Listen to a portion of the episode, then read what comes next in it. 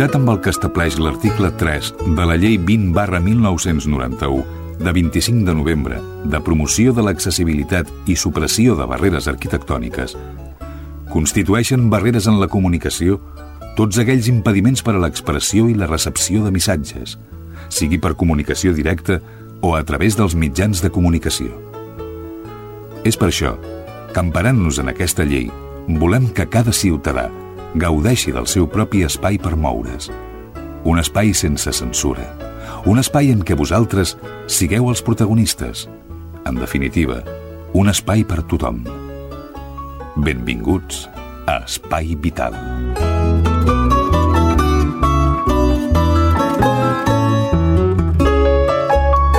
Senyores, senyors, què tal? Com estan? Ben trobats, benvinguts una setmana més al vostre programa. El vostre, el seu, el nostre, el de tots. A l'Espai Vital. Ja saben vostès que Espai Vital parla de les discapacitats i les malalties cròniques. Doncs aquí comença el programa que té 60 minuts per endavant i que comencen en aquests moments. Això és Espai Vital.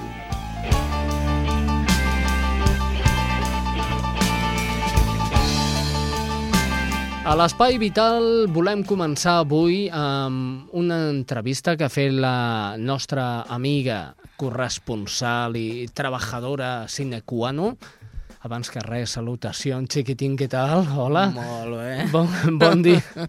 Bon dia també, Teresa Bon Diviu, la nostra cuinera. És que he començat així tan ràpid no, no, que... perquè vas molt ràpid avui, es veu que no, i avui... Avui, avui eh, Vas pim-pam. com el vent, com que va bé. Avui és pim-pam. Bé, doncs va, serveixi això per dir-vos que l'Estrella Núñez, la nostra amiga de Santa Perpètua i corresponsal, ha realitzat una entrevista a la, amb la directora d'un centre especial de treball. Bé, en vez d'un són dos centres. La directora d'aquests centres és Roser Ferri. Doncs amb ella ha parlat l'Estrella Núñez. Santa Perpètua disposa d'un centre educatiu i d'un de formació molt especial dirigida pel grup de serveis d'iniciatives socials. Es tracta de l'Escola Barcanova i el Centre Especial de Treball d'Espígol, que ocupa un col·lectiu amb risc de marginació social, ja que acull persones amb disminució psíquica. Es troba situada al Castell de Cantalló des del curs 1992-93 i la seva formació tant per l'Escola Barcanova com per l'Espígol és la jardineria. Avui parlem a l'Espai Vital amb la directora Roser Ferrer que ens explica les activitats d'aquest centre perpetuenc. Nosaltres, eh, la nostra entitat, eh, el Castell de Cantalló, té dos serveis. Un és l'Escola Barcanova, que és el que potser és el més conegut, i l'altre eh, és el Centre Especial de Treball, que nosaltres li anomenem l'Espígol, i forma part del mateix grup, grup de serveis d'iniciativa social. En aquest Centre Especial de Treball, el que, el que, la nostra activitat econòmica i el que, amb el que ens dediquem i amb, i amb el que intentem guanyar-nos la vida és amb l'activitat de jardineria. Uh, ara, en aquests moments, hi han contractats um, 12 peons uh, jardiners amb la categoria professional de jardiners i, i tots ells són persones amb, amb algun tipus de retard, eh? tots són persones discapacitades amb el certificat de, dis, de discapacitat. Um, això no vol dir que puguin desenvolupar la seva feina amb dificultat, eh? tot i que puguin ser persones que tinguin algun tipus de dificultat, no vol dir que no puguin desenvolupar la seva feina correctament. Ells tenen la categoria professional de peó jardiners i aquesta és la que saben fer i les que s'han preparat per fer.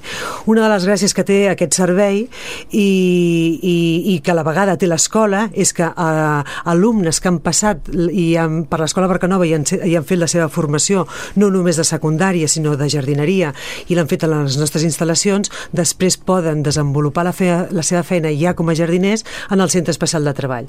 I aquí, en la, aquí es veu la gran diferència. Els alumnes que surten de l'escola Barcanova i ara són peons jardiners o els peons jardiners que eh, ara són peons de, de l'espígol, però que no han tingut una formació prèvia. Aquesta formació l'hem de fer nosaltres in situ a l'hora que, que, van a, que surten a treballar. Això és, una, és un tema claríssim i, i, i aprofitant l'ocasió mm, jo reivindico la formació de les persones en tots els nivells i per suposat les persones amb discapacitat. Què passa? Que les oportunitats de formació d'aquestes persones són menys, doncs perquè han tingut les seves dificultats al nivell, a nivell escolar, en el sistema escolar a vegades i segons en quins àmbits doncs no se'ls ha donat l'assistència perquè no s'ha pogut, eh? jo no dic que no s'hagi volgut, sinó perquè no s'ha pogut o perquè s'ha desconegut quina era l'assistència més adequada que havien de rebre per adquirir els aprenentatges suficients per després desenvolupar-se com a individu. Què passa amb, la, amb els alumnes que, amb els peons que surten, que ja treballen com a jardiners, si abans han tingut una formació, això es nota molt perquè desenvolupen una feina amb molta més tranquil·litat. I això ens passa a qualsevol de nosaltres. Nosaltres, per treballar, abans hem tingut que estar formats.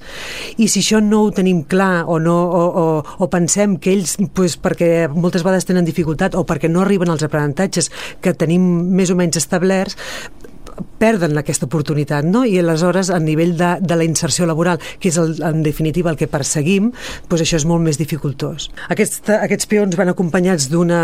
formen part d'unes brigades que van acompanyats d'uns jardiners professionals que, que desenvolupen la feina doncs, on, te, on, te, on te hi hagi, no? on t'ens cridin. Fem feines per l'administració pública, fem feines per particulars, per empreses, doncs, per qui ens cridi. O sigui que, que aquests peons eh, jardiners fan les pràctiques allà pel municipi els peons jardiners, el que són els peons de l'empresa de jardineria no fan pràctica, aquests ja treballen. Directament. Directament. Ells es, estan contractats, guanyen el sou mínim interprofessional i ells han de desenvolupar la seva feina, s'han de guanyar el sou, perquè si no malament, no? I nosaltres tenim peons que tenen que si no se'l guanyen al 100% tenen moltes possibilitats d'arribar a guanyar-se'l. Uh, tot i que nosaltres el paguem, eh? encara que no se'l guanyin, i després hi ha peons que, bueno, que estan molt formats, com, com els alumnes que surten de l'escola Barcanova, que tenen moltes habilitats laborals i això es, eh, eh, es veu. No? Nosaltres intentem que les brigades siguin brigades a que es complementin. Pues un nano molt especialista en les màquines pues va acompanyat d'un peó que, no, que, pues que no, no és tan especialista en les màquines però pot fer un altre tipus de tasca. Qui fa les pràctiques són els alumnes. Va. Nosaltres hem, necessitem espais per fer pràctiques i com qualsevol eh, escola professionalitzadora i anem a fer pràctiques i nosaltres tenim l'oportunitat, per exemple, aquí a l'Ajuntament de Santa Perpètua, de fer pràctiques en diferents espais municipals. Però els peons de jardineria no fan pràctiques, ells es guanyen la vida i, i, i han de, han de guanyar-se el seu sou, no? I per això necessiten treballar. I se'l guanyen i el veiem, els veiem aquests pues mira, en aquests moments els de l'Espígol, els usuaris que, de la nostra entitat que estan a l'Espígol aquí en el territori pues som els jardiners de la fàbrica Onda som els, els jardiners de la fàbrica de Nidec. Uh, som els jardiners del, del, a nivell municipal uh, del Parc Lineal a Barcelona, per exemple, tenim més, més manteniments perquè, les, doncs, bueno, doncs perquè hi ha unes necessitats eh, d'oferta més, més elevades. No? Som els jardiners del, de l'antic hospital militar, de la clínica Quirón, eh, del mm, Palau Moja, del Departament de Cultura, mm, del, de la fàbrica Ordessa de Sant Boi, som els jardiners del Departament d'Educació, eh? per cert, que ara el Departament d'Educació ara està molt visitat. Sí. Nosaltres som els seus jardiners, eh, que també fem plantes d'interior. Això ha d'omplir d'orgull, no?, quan veus eh, treballadors fent la seva tasca i havent-los vist com s'han anat formant a l'escola o al centre. Clar, això, això, és un, això de, realment és una alegria. I en el centre de formació, els usuaris del centre de formació són tot persones amb algun tipus de discapacitat? Tot algun tipus de discapacitats, que no vol dir que tinguin que siguem una escola que tinguem que tinguem els alumnes amb necessitats educatives especials que tinguin una gran discapacitat. Són alumnes que tenen poca discapacitat, però suficient com perquè eh, per, es perdin una mica en el sistema ordinari avui com avui, com avui no? jo estic segura de que aquests alumnes han d'estar uh, atesos i moltes vegades així passa en els centres ordinaris i en els seus centres de referència el que passa que uh, aquest sentit professionalitzador que nosaltres li donem a l'escola eh, que som una secundària però amb un xip molt de professionalitzar els alumnes que ens passen doncs això és un bagatge i és un valor que avui per avui molts centres de, de secundària no tenen Clar, la gràcia està poder fer jardineria, poder fer una formació professionalitzadora, dic jardineria com podria ser una altra, uh -huh. a dins de l'ensenyament bàsic obligatori, fins als 16 anys. Perquè a, fins als 16 anys hi ha molts alumnes, aquests alumnes que nosaltres tenim, que tenen algun tipus de discapacitat, doncs el currículum que s'estableix avui en dia en els instituts doncs no li és proper i no li és significatiu. Aleshores són alumnes que fan menys del que podrien fer perquè, perquè se senten que el que s'està explicant a les aules moltes vegades no va amb ells no? i aleshores donar-los un, un, una formació amb sentit i que els, que, que, que, que, que els projecti com a individus i com a alumnes i com a futurs treballadors, doncs això té molta gràcia. No, no, ho expliques a més amb tant d'entusiasme. Com, intento que sigui com a mínim amb molta gràcia.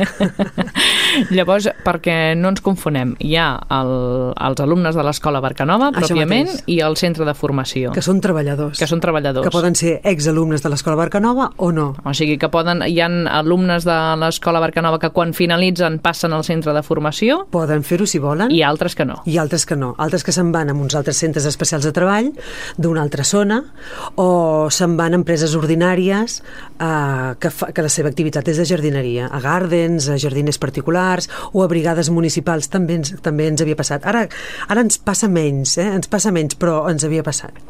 O sigui que tenim un bon percentatge d'alumnes de l'escola Barcanova que acaben guanyant-se la vida eh, fent de jardiners. Molts, molts. Això no hem de perdre aquesta, aquest sentit que té l'escola, perquè nosaltres som un centre petit i jo entenc un centre de molta qualitat i que podríem atendre a molt tipus d'alumnat amb dificultat però jo penso que és una llàstima ser un centre tan petit i amb tan poques places que donguem assistència, només assistència, a qualsevol alumne amb necessitats educatives especials. Nosaltres volem donar formació a alumnes amb necessitats educatives especials però que tinguin algun perfil algun perfil que, pens, que, que faci pensar que en un futur es poden, poden arribar a ser jardiners. Estàs escoltant Espai Vital.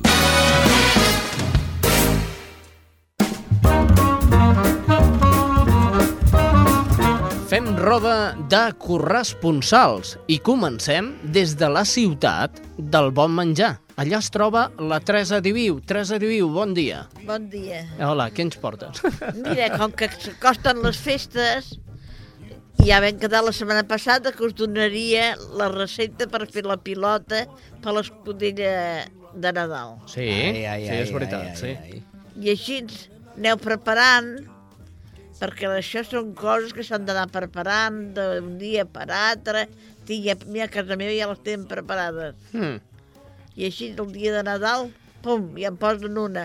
Com que en fem més del compte, ja en tenim per cap d'any i per Reis. I les congeleu o, Sí, sí, sí. o a la nevera no, que no, aguanten? bueno, primer les posem a la nevera Ah. i després les fem i les emboliquem amb aquell paper film de plàstic que es diu film, no? El flim, el flim. Flim. El flim, flim, flim. Eso, Flim, sí, flim, papel, flim. papel, papel. No, paper no, és plàstic. Plàstic. Sí, l'emboliquem i al congelador. Molt I bé. mira, cada dia que necessitem una, doncs ja la traiem. Doncs sí, senyora, molt bé. Jo us diré, pues... Com que- l'hem de fer, eh? Mira, jo us diré el que heu de comprar. Vinga, apuntem tots. 300 grams de carn picada de pollastre. De Mhm. pollastre té que ser. 300 grams de vedella, 300 de pic, eh, picada de vedella. vedella. Sí. I 300 grams de porc, Ah, d'aquella que ja hi ha desfeta que tenen, que és de porc. no són molts animals allà? Però més bo que de tot. Ah, val, barrejar... Barrejar, Ah, la barregeu, Mm. després que feu dos ous, trenqueu en un plat, els bateu, i allà hi poseu sal i una mica de pebre. Molt bé. També hi poseu una miqueta d'all picat i julivert picat. Si no podeu picar-ho, ja sabeu que en el mercat hi ha, en, els, en el congelat hi ha uns tacos que hi ha all i julivert trinxat. Això és més bona idea, eh? Clar, perquè Sí, jo mateix no puc així d'allà ja n'hi ha. Ahà. I ho poseu en l'ou també, allà tot batut. Mm Quan ho tingueu batut i la carn ja barrejada, ho tireu allà dintre Bé. i ho aixafeu. I poseu també dues cullerades de pa ratllat.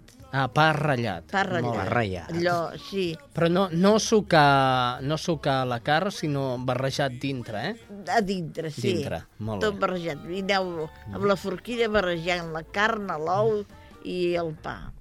I allò, doncs ja com ho tingueu fet com una massa, una pilota, com grossa, to, feu un plat gros, ho deixeu allà a la nevera, doncs si ho feu al matí, per la tarda. A la tarda ho agafeu, que ja estarà més, Més- dur, més poder Més treballar. preta, més preta. Sí, més apretat. Mm. Doncs després agafeu un plat amb farina de pa, Sí. i d'allà, doncs, si, us, si vosaltres mireu de dir, doncs mira, jo és molt per fer dues pilotes, doncs si en teniu per tres o per quatre, després vosaltres mateixos ja veureu. Mm. -hmm. Doncs feu, passeu per farina aquella de pa, la mida que vulgueu de, de pilota. Ahà. Després ho poseu un paper film d'aquells de plàstic, ho enrotlleu i ho deixeu al congelador. I així cada vegada que necessiteu una pilota per Nadal, per Cap d'Any, per Reis o per tot el- l'hivern, ja en teniu tres o quatre o cinc, nosaltres sempre en tenim de preparades Doncs a molt casa. bé. Clar que sí. Avui I així és la Teresa- manera que s'ha d'estalviar una miqueta, Mhm. tant de feina com de treball. Sí, senyora. Avui la Teresa Diviu ens ha fet un plat de pilotes.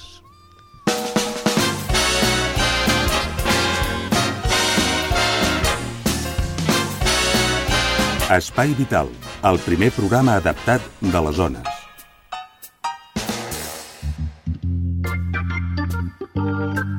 Les persones amb trastorns mentals se senten discriminades. Aquesta és la conclusió d'un exhaustiu estudi epidemiològic eh, que s'ha fet a nivell mundial i, i que, bé, aquest estudi entrevistat per poder-se fer a unes 80.000 persones d'una edat adulta. Per parlar sobre aquest tema tenim a l'altre costat de la línia telefònica el doctor Jordi Alonso, ja hem comptat amb ell altres vegades. Ell és coordinador del grup de recerca dels serveis sanitaris de l'Institut Municipal d'Investigació Mèdica, l'INIM. Li donem la benvinguda. Doctor Alonso, bon dia. Bon dia, què tal? Aquest estudi, un, un estudi basat, deia, en 80.000 persones a les quals se'ls ha preguntat si realment les persones amb una discapacitat mm, mental se sent discriminada o no eh, en quant a la feina, en quant a nivell social, no? Uh -huh. Sí, aquest és un estudi fet a 16 països. De fet, encara s'està completant a altres països més, però l'anàlisi que hem publicat recentment sobre la prevalença i els, la relació de les malalties mentals amb l'estigma es basa en aquestes 80 i mil persones de 16 països. És un estudi epidemiològic, com deia vostè bé, que el que vol dir és que fonamentalment en aquest cas es tracta d'entrevistar mostres que són representatives de la població adulta, és a dir, de les individus de 18 i més anys. Uh, no tant o no sols la gent que va uh, als serveis sanitaris o als hospitals, etc., sinó la gent mm, que està empadronada o està censada en aquell país. Uh, una mostra representativa s'intenta estudiar exhaustivament. I, de fet, el que hem fet és eh, mirar moltes coses, eh, mirar si patien trastorns mentals o altre tipus de trastorns, i per trastorns mentals hem fet servir un instrument molt fiable, que és bastant llarg d'aplicar, que és una entrevista estructurada. Quin és l'objectiu més immediat per fer aquesta, aquest, aquest estudi? Bé, volíem veure moltes coses i de fet estem analitzant diverses línies diferents de, de treball. Mm, temes com la prevalença dels trastorns, els factors associats als trastorns mentals, l'associació entre trastorns mentals i, i trastorns no mentals, que els diem segurament malament trastorns físics, eh, l'impacte dels trastorns mentals sobre la qualitat de vida, la discapacitat, etc. I no era una, diguéssim, un objectiu eh, fonamental, però sí indirecte, mirar fins a quin punt els trastorns mentals s'associaven a discriminació, a vergonya i discriminació. Hem mesurat la, la, la discriminació amb dues preguntes només, dues preguntes que són, són reconegudes com indicadors d'estigma, i hem vist que les persones que tenen trastorns mentals tenen eh, amb alta prevalença eh, discriminació. més de, quasi la meitat tenen eh, vergonya de les malalties i quasi un 20% tenen discriminació i en conjunt diem que un 14% tenen estigma. Mm -hmm. Molt bé, eh, tenen aquest sentiment d'exclusió social o de discriminació en el moment en què estan buscant una feina, no? Bé, això nosaltres no ho hem mirat en aquest estudi concretament, però sabem per altres estudis que l'estigma té diverses eh, mm, vessants. Una és l'estigma eh, o les vessants externes a l'individu. Els de més, la gent que no té trastorns eh, mentals mm, veu el, el que té trastorn mental de manera distant. Eh, intenta excloure'l, el veu com eh, el veu negativament i, a més, com un perill potencial.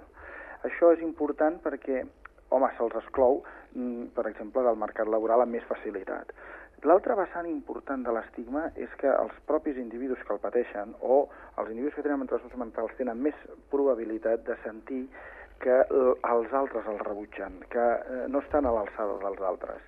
I, per tant, fan algunes eh, conductes que són eh, dolentes eh, de cara a superar el trastorn mental. Per exemple, utilitzar menys els serveis sanitaris.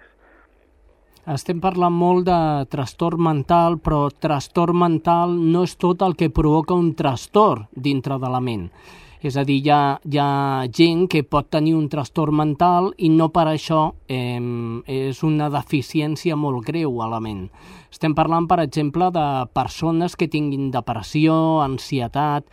Vull dir, no són casos de subnormalitat en aquest temps. No, nosaltres no hem estudiat els dèficits cognitius ni de desenvolupament intel·lectual, Eh, típicament això són objectiu d'estudi o bé de la gent molt gran o, de, o bé de, de, dels adolescents, de, de les, dels infants, eh, estem parlant, a més, en aquest estudi concretament, estem parlant de trastorns mentals eh, que diem comuns, és a dir, que són freqüents. El, fet, el sol fet de ser freqüents ja ens hauria de, de fer pensar que no són ni molt greus i sobretot no són negatius, perquè els greus tampoc han de ser vistos negativament. Eh? És important. Ara, és una característica d'aquest estudi per ser fet en població general, no fet en mostres, diguéssim, d'individus o pacients eh, hospitalitzats o etc, és precisament amb trastorns eh, freqüents, eh, tan freqüents com poden ser altres tipus de trastorns, la diabetes mellitus de l'adult o, o la hipertensió o la artrosi. És a dir, eh, estem parlant de trastorns comuns. Eh, no per això deixen de ser malalties i no per això deixen, deixen de necessitar atenció i cura, però sobretot no han de ser vistos com un problema aliè, com un problema dolent, com un problema perillós, com un problema que justifica una actitud eh, de discriminació. D'aquest estudi, quin tant per cent podríem dir que pateix trastorn mental en general de la població? Miri, eh, hi ha molta variabilitat en la prevalença. Nosaltres mesurem la prevalença, és a dir, la freqüència en, en l'any anterior a l'entrevista, qui ha patit un trastorn mental en l'any anterior a l'entrevista. Hi ha països com Espanya, que té doncs, menys del 10%, 10% eh, i escaig, eh, a països que tenen eh, el 20%, com als Estats Units, i aproximadament en tot el món, perquè li parlo ara d'uns 16 països que tenim uh -huh. dades, diríem que 14-15% seria la prevalença en els últims 12 mesos d'aquests tres grans tipus de, de, de malalties mentals els trastorns de l'estat d'ànim, bàsicament la depressió, etc, sí. els trastorns d'ansietat angoixa, i després l'ús d'alcohol o substàncies, l'ús, abús, eh, dependència de, de substàncies i alcohol. Uh -huh. D'aquest estudi se'n desprèn que un, tipus de capa social eh, té més proliferació per poder tenir trastorn mental?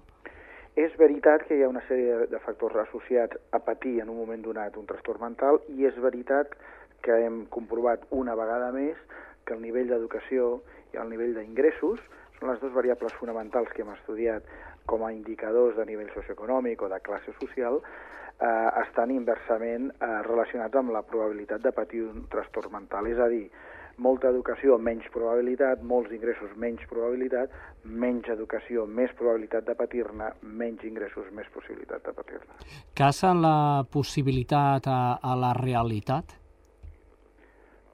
Possibilitat de patir trastorn mental amb la realitat de patir sí. trastorn mental. Jo li estava parlant una mica com a epidemiòleg, quan deia possibilitat, que ho he dit malament, volia mm. dir probabilitat, uh -huh. i de fet la probabilitat és una mesura de freqüència, és una manera de dir que escolti'm, aquell que té eh, trastorn mental té més probabilitat de tenir-lo si és més pobre o si té menys educació. Uh -huh. Doncs molt bé, doctor Jordi Alonso, li agraïm moltíssim, com sempre, que tingui els micròfons d'Espai Vital.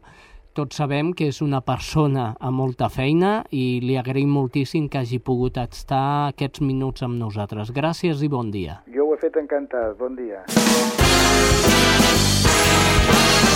Estàs escoltant Espai Vital.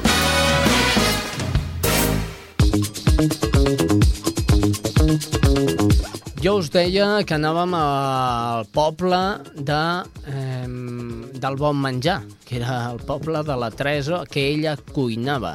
Doncs ara no. Ara anem al poble eh, d'aquí de Ripollet.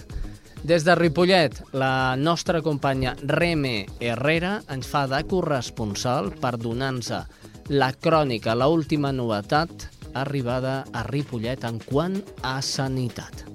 Hola, Xavi. Aquesta setmana des de Ripollet us expliquem que el Servei d'Atenció Primària Cerdanyola-Ripollet s'ha adherit a la campanya europea per a l'ús prudent d'antibiòtics que té com a objectiu conscienciar la població, els professionals i els mitjans de comunicació sobre la importància de la utilització correcta d'aquests fàrmacs. Moltes de les malalties infeccioses són víriques i, per tant, no precisen tractament antibiòtic.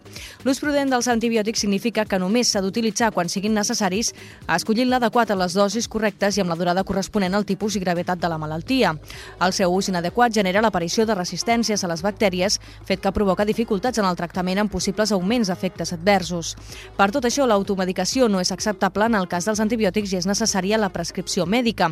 És molt important també la informació proporcionada pels farmacèutics i els microbiòlegs.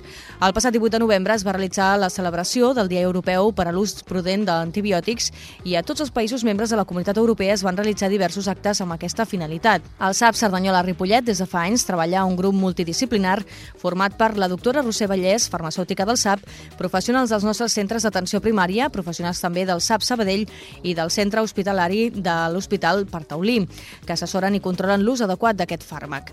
Aquest treball conjunt ha permès que no s'hagi produït un increment important en l'ús dels antibiòtics en els darrers anys i que les resistències bacterianes no s'hagin incrementat de forma notable.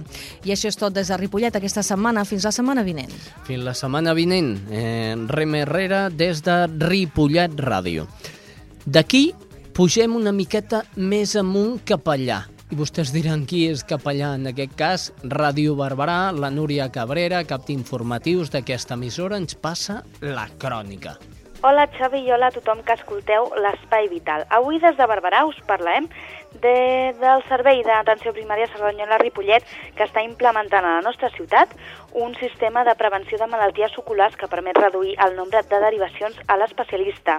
La majoria dels usuaris que es beneficiaran i que s'estan beneficiant ja d'aquest nou sistema són persones amb diabetis. L'ús de 33 càmeres no midriàtiques ha permès a l'Institut Català de la Salut consolidar també la prevenció de malalties oculars als centres d'atenció primària.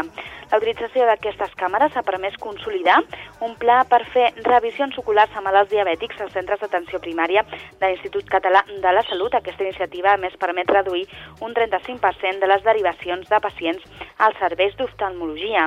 Aquesta mesura preventiva s'anirà implementant també progressivament a la resta de municipis que formen part del SAP Cerdanyola-Ripollet, com Badia, Cerdanyola i Ripollet. Els malalts crònics han de visitar sovint els especialistes per realitzar visites de control i moltes vegades aquestes consultes es realitzen fora del cap de l'usuari i comporten un desplaçament en ocasions força llarg. Per això, doncs, l'organització va adquirir l'any 2006 aquestes 33 càmeres no midriàtiques que serveixen per detectar de forma precoç malalties oculars, sobretot associades a la diabetis, amb l'objectiu doncs, que les persones diabètiques puguin revisar-se la vista periòdicament al seu centre de referència sense necessitat de programar una consulta amb l'oftalmòleg. Les càmeres s'han instal·lat a diversos caps i contem doncs, aquí a Barberà amb aquestes càmeres i que fan una doble funció. Per una banda, doncs, evitar aquests desplaçaments i per una altra, alleugerir les llistes d'espera per visitar l'oftalmòleg. Recordem també doncs, que la retinopatia diabètica, que és com es diu aquesta alteració dels vasos sanguinis de la retina, provocada per la presència d'una diabetis. És una de les principals complicacions d'aquesta malaltia i també una de les causes més comunes de ceguera, on als països desenvolupats és la principal causa de ceguera entre la població entre els 30 i els 70 anys. Des de Barberà és tot. Molt bé, retinopatia. Ho coneixiu, això, vosaltres? No, no, no. No, però heu estat atents, no? Sí. Heu estat atents al que ha dit. Tu no. Tu no, al carrer. Tu no. No has estat atent al carrer. Això, això, això. Retinopatia. Mm, És un tema que ho hem de mirar per aquí. Sí, eh? Sí, però sí, pel cas és el mateix. Va, És sí, igual. cada Tot, tot, el que s'han dit és quasi bé el mateix. tot ataca els ulls. Sí. I això és una llet. Molt bé, que estàvem a Barberà amb Núria Cabrera. Gràcies, anem cap a Montcada. I a Montcada qui hi ha? Sílvia Ariza. A Ariqué? No. Sílvia Díaz. Escoltem-la.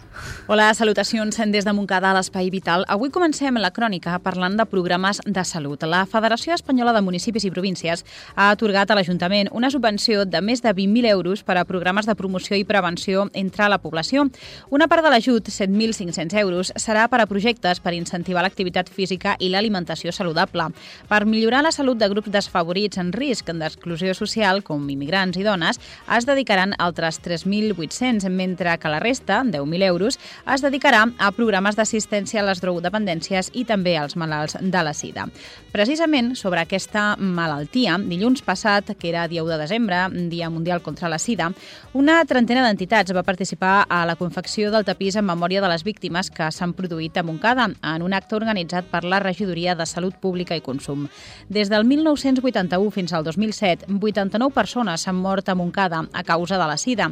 Segons les dades facilitades pel Centre d'Estudis Epidemiològics, el 56% dels casos correspon a heterosexuals i en xifres absolutes 64 casos han estat d'homes i la resta 25 de dones. Les activitats a Montcada, motiu del Dia de la Sida, continuen a hores d'ara amb dues exposicions. Una es pot visitar a l'Espai Jove Cantauler i una altra al Centre Cívic L'Alzina, a Terra Nostra. Prèviament s'han dut a terme tallers sobre educació sexual entre els joves, obres de teatre, la projecció de pel·lícules i també un torneig solidari de petanca dissabte passat. Doncs bé, això és tot per avui. Fins la setmana vinent. Adéu-siau. Adéu-siau, Sílvia. I de Montcada agafem l'autopista, l'A7, i anem corrent, corrent, a trobar-nos amb Estrella Núñez, que és la que té la crònica que aquest, eh, aquest programa, aquest dia, ens porta eh, Santa Perpètua de la Moguda, la ràdio. Escoltem-la. Hola, Xavi. Hola, equip de l'Espai Vital. Hola a tothom. Creu Roja Sabadell Vallès Sud ha iniciat a Santa Perpètua la recollida de joguines que s'emmarca en la campanya sobre la joguina educativa Educa per un món millor. L'objectiu de la iniciativa és aconseguir regals per als infants de famílies amb pocs recursos, alhora que pretén sensibilitzar la població sobre la importància pedagògica de la joguina i el joc en el desenvolupament dels infants i promoure'n el consum responsable. La campanya abasteix els municipis de Sabadell, Mollet del Vallès, la Llagosta i Santa Perpètua de Mogoda. L'any passat es van recaptar 3.500 joguines i un total de 983 nens i nenes es van beneficiar de la iniciativa, entre ells 29 infants de Santa Perpètua. Aquest any la campanya compta amb una novetat. L'Associació de Voluntaris de Protecció Civil de Santa Perpètua s'ha adherit a la campanya i ha posat a disposició de Creu Roja Sabadell Vallès Sud la seva seu com a espai central de recollida de material de la campanya de joguines 2009. Aquesta mateixa setmana han començat a portar al local de protecció civil joguines donades per empreses de la zona. El local del carrer de la Verge de Montserrat a Santa Perpètua serà el punt neuràlgic de Creu Roja per aquesta campanya de joguines. Aquí es prepararan els lots per als infants de Sabadell, Mollet, la Llagosta i Santa Perpètua. A més, els voluntaris de protecció civil s'han compromès a participar activament en la confessió d'aquests lots. Les persones que vulguin col·laborar amb aquesta iniciativa poden portar les joguines a qualsevol dels centres cívics de la localitat, a la seu de Protecció Civil o a l'estand de la Creu Roja, de la Creu Roja que s'ubicarà a la Fira de Santa Llúcia el 13 de desembre. Les joguines que s'aportin hauran de ser noves, no bèl·liques i no sexistes. Amb aquest to nadalenc i solidari ens acomiadem avui des de Santa Perpètua. Que tingueu molt bona setmana. Adeu.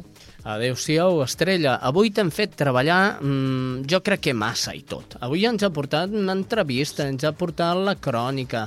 Aquesta noia l'hem de convidar a un sopar que faci espai vital Això. Sí, sí, eh? sí. i li hem de donar el millor menjar que tinguem. Eh? Això. Per nosaltres, pobres sí, però pobres d'espíritu no, eh? Per això.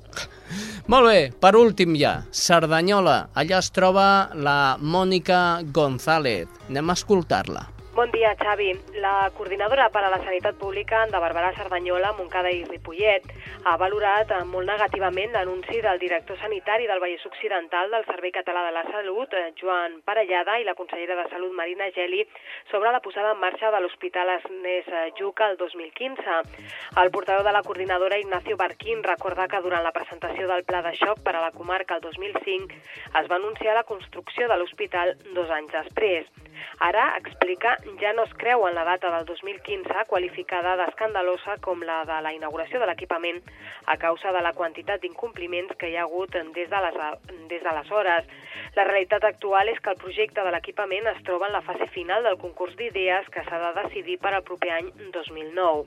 Per a Ignacio Barquín, les conseqüències d'aquest nou retard per a la comarca són molt greus perquè l'hospital de referència, el Taulí, està col·lapsat i les llistes d'espera són molt llargues.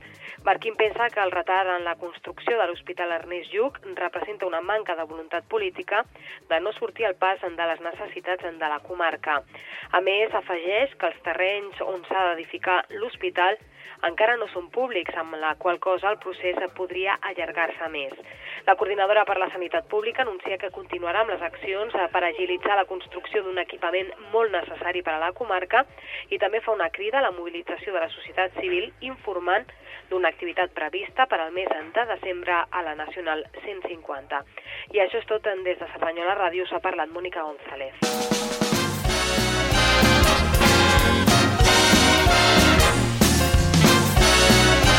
Espai Vital, el primer programa adaptat de les zones.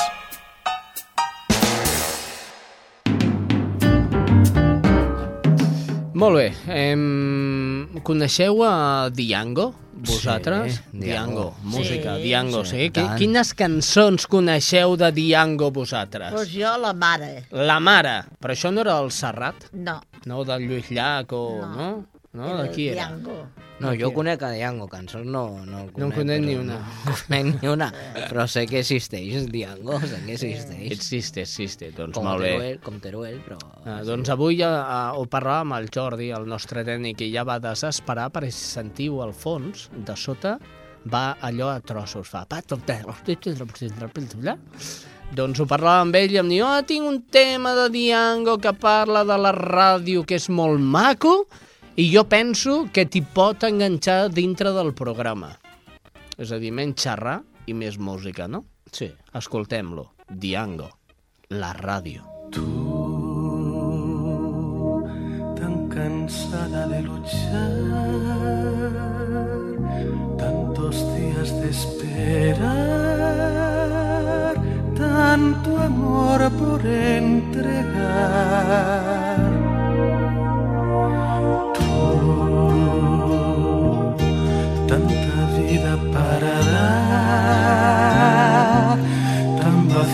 De pensar llorando en soledad. El misterio de la noche con sus versos, sus canciones harán que reviva tu esperanza. La canción que con ternura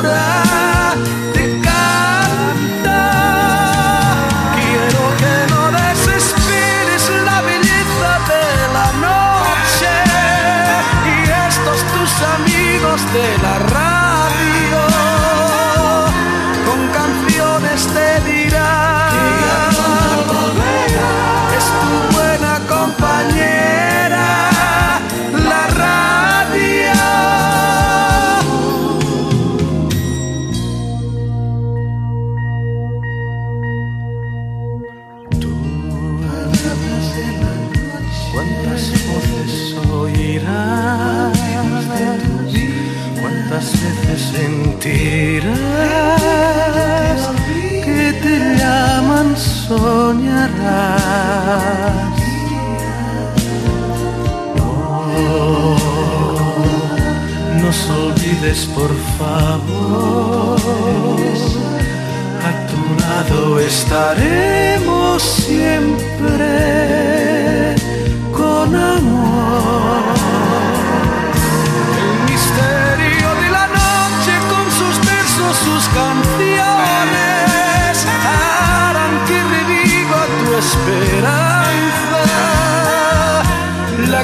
Canción que con ternura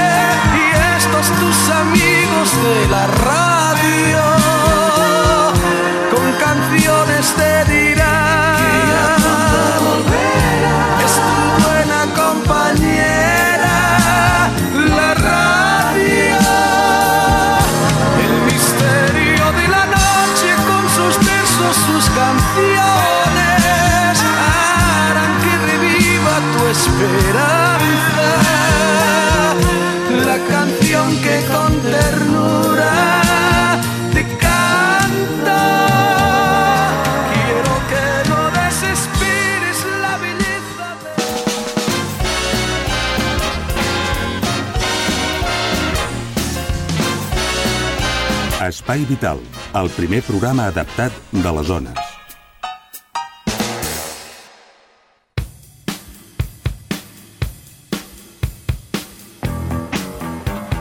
Molt bé, arribat a aquest punt, eh, sintonia, cercador i cercador al meu costat. Cercador, què tal? Benvingut. Molt benvingut, benvingut Xavi. Eh, no, sa, no, benvingut. no sabia què contestar-me. No, no, és que m'he quedat impressionat. Només que em diguis hola en tens prou. Cercador. A veure, els, dels 32 centres d'alta especialització acreditats pel Ministeri de Sanitat de la Generalitat de Catalunya, 15 són precisament d'aquí, de Catalunya. El Departament de Salut de la Generalitat de Catalunya ha aconseguit que Catalunya iniciï l'any 2009 amb 17 centres, fins ara en tenia dos, unitats o serveis de referència que atendran pacients amb patologies complexes i que requereixen d'alta especialització com és el cas dels cremats crí crítics, dels pacients que necessiten una reconstrucció del pavelló auricular i de malalts afectats per patologies i tumors oculars de gran, de gran complexitat. Catalunya es converteix així en la comunitat amb major nombre de centres de referència de tot l'Estat. Doncs molt bé, una gran notícia. Ampliem els centres de referència d'aquelles eh, malalties o, o problemes sanitaris que fins ara no n'hi no havia tants. Molt bé, més notícies dintre, recordem, de la plana web d'Espai Vital, que recordem era... www. Sí. Punt, ràdio, guió, espai, guió, vital, punt, punt, blog, spot, punt com. Molt bé, doncs la plana, eh? www.radio-espai-vital.blogspot.com, el mm, web del programa. Ens podeu enviar missatges de correu electrònic amb suggerències, si us voleu ficar una mica amb el cercador, també. També perquè ell, com també ja està ficat, doncs foteu tot el que vulgueu, li podeu dir ets un tio tal, ets un qual. No, no, que és broma. Molt bé, eh, segona notícia, cercador.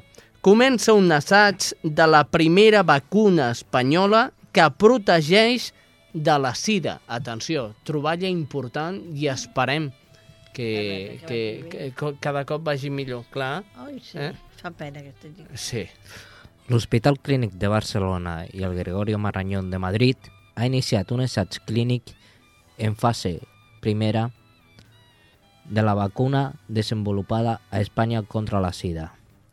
Aquesta vacuna desenvolupada per l'equip del CSIC, que dirigeix Mariano Esteban i basada en el tipus B del virus, que és el més freqüent a Espanya i a altres parts del món, no evita la infecció per, per, per, per virus, per el sida, sinó que protegeix contra el desenvolupament de la malaltia. És a dir, seria una vacuna eh, prèvia a agafar Prèvia. aquesta malaltia. Eh? És a dir, important, important trobar-la. I per últim, mm, cercador, que és el que ens portes, descobreixen com s'amaga el bacil de la tuberculosi dintre de l'organisme. Hmm. A veure si em surt el nom. El Mycobacterium tuberculosis. és el nom del principal bacteri és que es compliquen, es compliquen la gent. responsable oh. de la tuberculosi. La seva relax, relació amb les persones és molt estreta. De fet, fa milers de, milers d'anys que conviu amb nosaltres i actualment infecta una tercera part de la població mundial. Ni menys ni menys que 2.000 milions de persones, cosa que el converteix en la gent infecció més estès del món. Ara es podran desenvolupar nous antimicrobians contra la infecció de la tuberculosi latent. Molt bé, És molt bé, eh? molt bé, però jo no puc marxar. No, no, no, no, no, no guardis aquest paperet, que ara, ara, vol, ara parlarem d'això. Com has dit que es deia, el, el bacteri aquest, el micro què? A veure... Mycobacterium tuberculosis. Bé, veus com no era tan difícil? Ho veus? Sí, és llatí. Això és censura, música de la trinca i us censuro a tots a tornar la setmana vinent. Oh, i tant que sí. Eh? I amb un plat ben extraordinari perquè comencin a preparar per, per Nadal. Molt bé, Teresa, O gràcies. cap d'any, de res. Gràcies. I cercador, mmm, ves llegint, tio, perquè s'ha de llegir molt per dir microbacterium. Tu qui estupi? Mycobacterium. Bacterium, eh? Ja està. Molt bé, Jordi, també gràcies al nostre tècnic. Tornem la setmana vinent. No ens perdin d'oïda. Nosaltres, com a mínim, hi serem. Vostès, ja ho veurem. Mireu com s'ho manegava. Un cantautor compromès quan s'havia de dir molt però no es podia dir res. El vàter ja està ben ple. Ja vessa pels costats i la seva cadena a tots ens té lligats. Si tu les tires fort per aquí i jo les tiro fort per allà, segur que l'aigua baixa, baixa i el podrem desembossar. Si tu les tires fort per aquí i jo les tiro fort per allà, segur que l'aigua baixa, baixa i ben net tot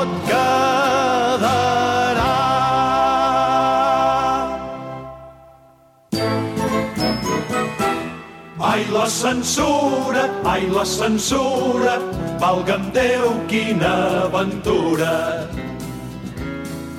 Quan volíem parlar clar, però no sabíem pas com, tan divertit com resulta dir les coses pel seu nom. Escolteu, si no aquest altre, com s'ho anava trampejant, cantant no es podia dir, s'havia de dir xiulant.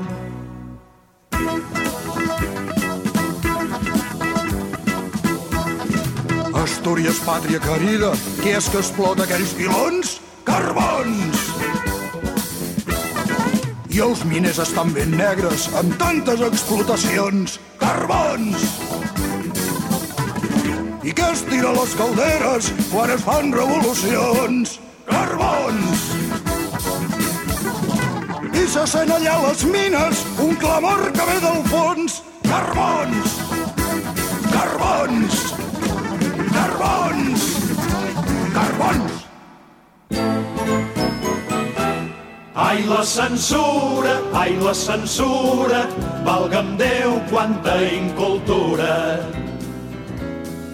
Les cançons estaven plenes d'eufemismes a granel i metàfores a dojo per poder-los-hi prendre el pèl.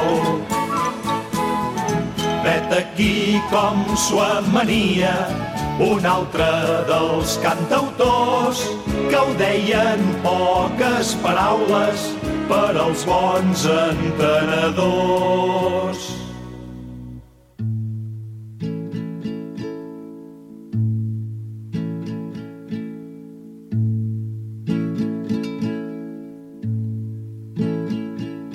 El bròquil s'està florint, tu ja m'entens.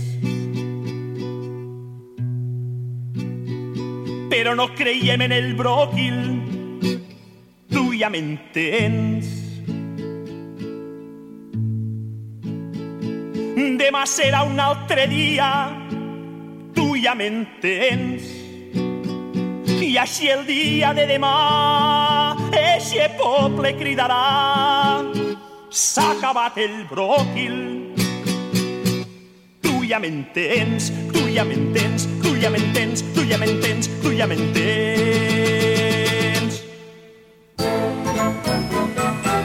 Ai, la censura, ai, la censura, valga'm Déu, quina tortura. Ai, la censura, ai, la censura, valga'm Déu, quina aventura. Ai, la censura, ai, la censura, valga'm Déu, quanta incultura. La, la, la la la la.